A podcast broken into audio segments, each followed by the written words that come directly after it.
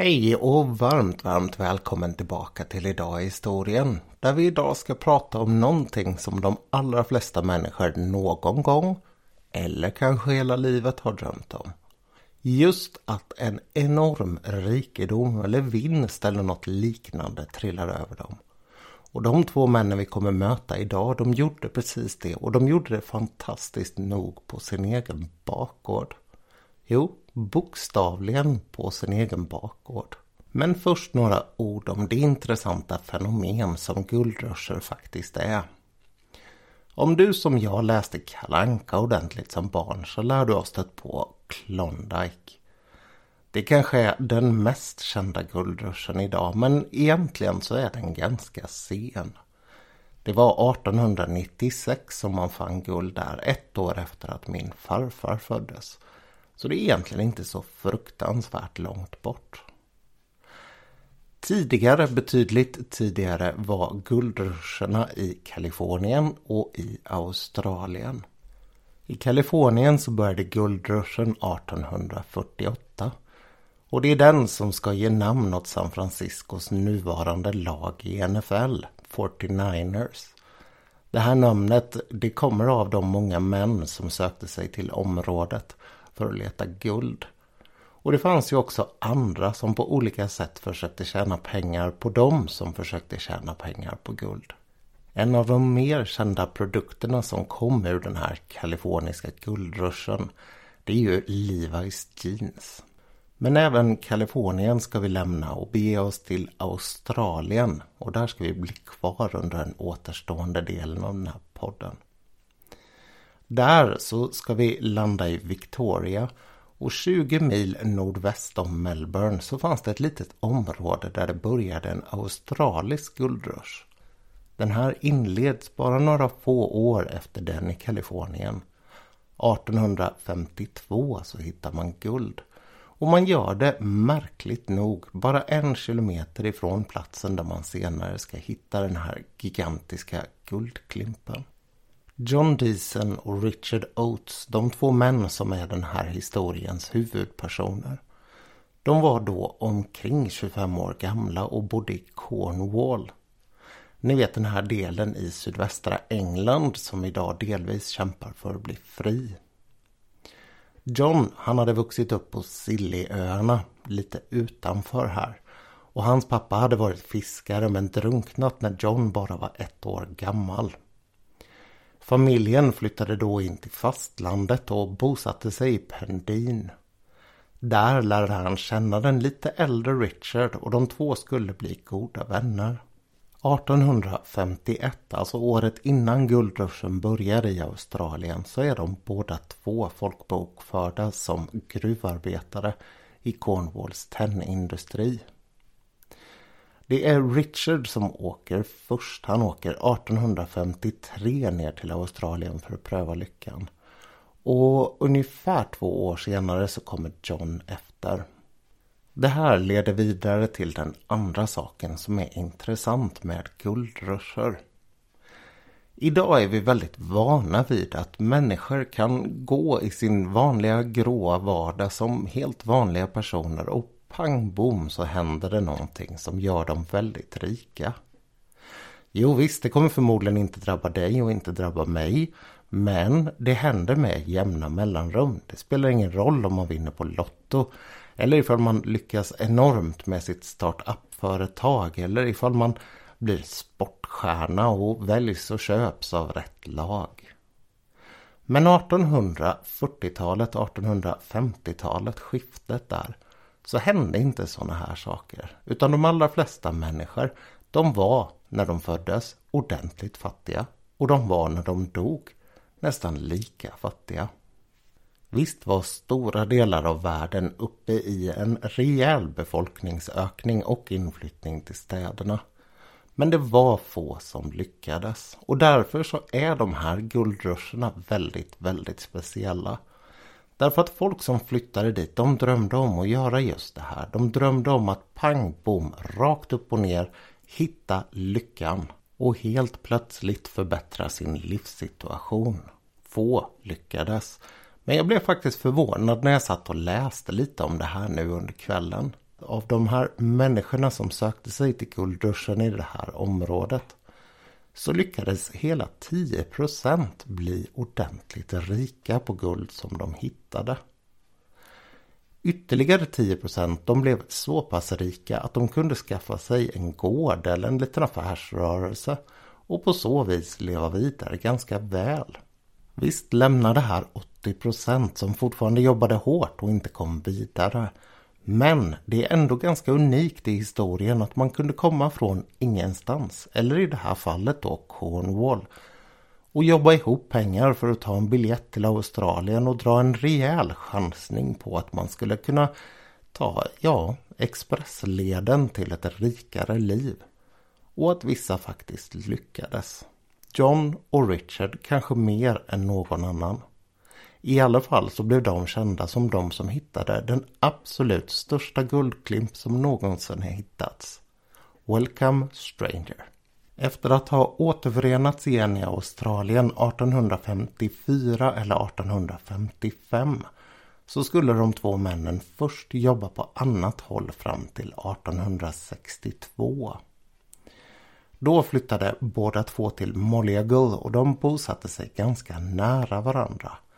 De köpte sig en inmutning eller de ordnade sig en inmutning, vilket man nu säger. Och sen började de att eh, försöka hitta guld med den särskilda metod som utvecklades i det här området. På engelska så kallas den här metoden för paddling och den bygger på de speciella jordförhållandena som fanns här. Guldet som man hittade det var ganska ofta i stora tröga och svåra att tränga igenom lerklumpar. Därför så gjorde man en stor öppning i marken som en stor cirkel kan man säga. Mitt i denna så fästes ett nav och utifrån den så kom det en axel som man fäste en häst vid.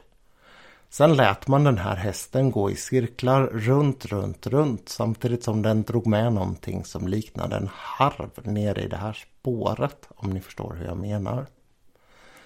Hela tiden så fyllde man på vatten och det gjorde att den här stora lerklumpen som man hade där i bröt sönder. Och självklart så fanns det då en avrinning från, den här, från det här spåret. Där kunde man sedan sitta med en sån här vaskpanna och försöka hitta guldklimpar. Och det var precis det som de båda männen gjorde när det fanns tillräckligt mycket vatten och när de hade tid.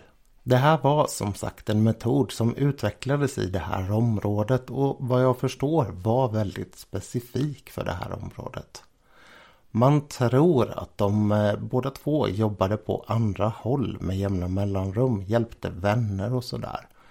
Och sen när de själva kunde så jobbade de på sin egen sån här paddel. Men de var också bönder och deras hus de låg bara några hundra meter ifrån varandra. Om man åker till platsen där man fann Welcome Stranger idag så finns det en eh, slinga som man kan gå runt där. Och den är knappt 900 meter lång. Och då passerar man båda husen, man passerar platsen där den här guldklimpen hittades. Och man passerar också den här paddeln som låg mitt emellan deras hus. En plats som troligtvis valde för att man ville skydda den. Men det var inte här som man hittade guldet. Tvärtom så hade man slitit med den där i sju år. När det en eh, vacker dag faktiskt kom ett rejält fynd, precis som jag sa tidigare, som en blixt från klar himmel på bakgården. John Deason jobbade ungefär 75 meter från sitt lilla tvårumshus när han den 5 februari 1869 stötte i något hårt. Det här var mitt bland rötterna vid ett träd som stod där och på en plats som han givetvis hade gått förbi massor med gånger. Han eh, högg till lite på den där stora stenen som låg där och kunde absolut inte förvänta sig att den skulle vara något särskilt på något sätt. All kunskap han hade sa att man hittade inte guld på det sättet och på den platsen. Utan det skulle vara längre bort vid deras sån här paddel. Men när han slog till andra och tredje gången på den här stora klumpen så började det glimma av guld. Han tog sin hacka och försökte bända upp den här stora biten han hade hittat. Det gick inte, den gick av. Han gick istället och hämtade en kofot och började gräva loss lite runt omkring den här. Och sen tryckte han till ordentligt och det som kom upp fick honom att häpna. Framför honom så låg en rejäl klump av guld klädd i svart kvarts. Det är mycket möjligt att Richard Oates var med nu. Det var nämligen så att eh, Johns son hade gått iväg för att hämta honom och det är lite oklart när i historien han anländer. Efter att den här klumpen har kommit upp och de båda männen har besiktigat den så är det i alla fall klart att de tryckte ner den i hålet igen och täckte över den. Det fanns ju en eh, ganska tydlig hotbild för eh, folk som hade stora värden i den här delen av världen vid den här tiden. Det räknas med att det fanns ungefär 4000 personer vid toppen av guldruschen och då hade man från myndigheternas sida skapat ett särskilt polisläger för att hålla reda. Men det var ändå ett område som till väldigt stor del skötte säkerheten själv. De allra flesta människor var beväpnade och när de hittade den här guldklimpen 1869 så var guldruschen i området ordentligt över. Man kan räkna med att polismakten var betydligt mindre närvarande än vad den hade varit tidigare. Och man ville inte riktigt att den här nyheten skulle komma ut, förståeligt nog. Det var inte bättre att det var helg så att man kunde inte ta sig iväg till banken med den här stora guldklimpen utan någonting skulle man vara tvungen att göra med den själva. Man bestämde sig för att ta ner den stora klimpen till den ena mannens hus och där börja försöka få bort kvartsen. Någonting som låter lite smått skräckinjagande tycker jag. Därför att det går till så att man lägger den mitt på en eld inne i huset och sen eldar man på ordentligt så att guldet värms upp. Det expanderar ju då och då kan man ta och knacka bort de här kvartsbitarna som sitter där. Och de måste ha fortsatt sin eh, häpna upptäcktsfärd kring den här stora klumpen. För de fick bort rejält mycket kvarts, omkring 25 kilo. Men det de hade framför sig det var en gigantisk bit guld. En bit som de inte riktigt kunde lista ut hur mycket den var värd men de trodde omkring 5000 pund. Nu fick man se till att låtsas resten av helgen att allting var som vanligt och det lyckades man med. På måndagskvällen så ordnade man fest för sina vänner och någonstans vid ett lagom välvalt tillfälle den här kvällen så drog man bort ett skynke över den här stora guldklimpen. Man förklarade att man hade hittat den och att man nu behövde hjälp med att ta den till den närliggande staden Donnelly. Så man ville att vännerna skulle stanna kvar så man kunde bege sig iväg tidigt på morgonen. De ordnade alla förberedelser som behövdes. Man ordnade fram en kärra och såg till att man var tillräckligt många för att säkert kunna flytta den här. När man kom till Dunley så åkte man till London Chartered Bank och där så verkar det som att bankchefen först var ganska otrevlig. Han ville inte riktigt tro på att man hade guld i den kvantitet som man påstod. Men när han fick se guldklimpen då tystnade han. Den var nämligen så pass stor att den faktiskt inte ens kunde vägas på bankens våg. Istället så fick man lasta guldet i en skottkärra och köra över det till en smed. Han fick ställa sig vid sitt städ och hugga den här i mindre bitar. Och det är lite synd att man faktiskt inte hann ta något kort på den innan det här skedde. Väl tillbaka på banken så mätte man de olika delarna och man kom fram till att det rörde sig om ungefär 70 kilo guld. Väldigt rent guld. Och om man räknar ihop alla delar som man sen, eller allt guld som man sen fick ihop från den här guldklimpen. Alla de här kvartsbitarna man hade fått bort, de kunde man ta en hel del guld ifrån. Och en hel del hade man också givit bort redan så räknar man med att någonstans precis under 75 kilo rent guld tycks ha varit vad man hittade. De 5000 punden som John och Richard hade gissat att man skulle kunna få de visade sig inte stämma alls. Istället blev det 9 500 pund sammanlagt när man hade räknat ihop alla de olika bitarna.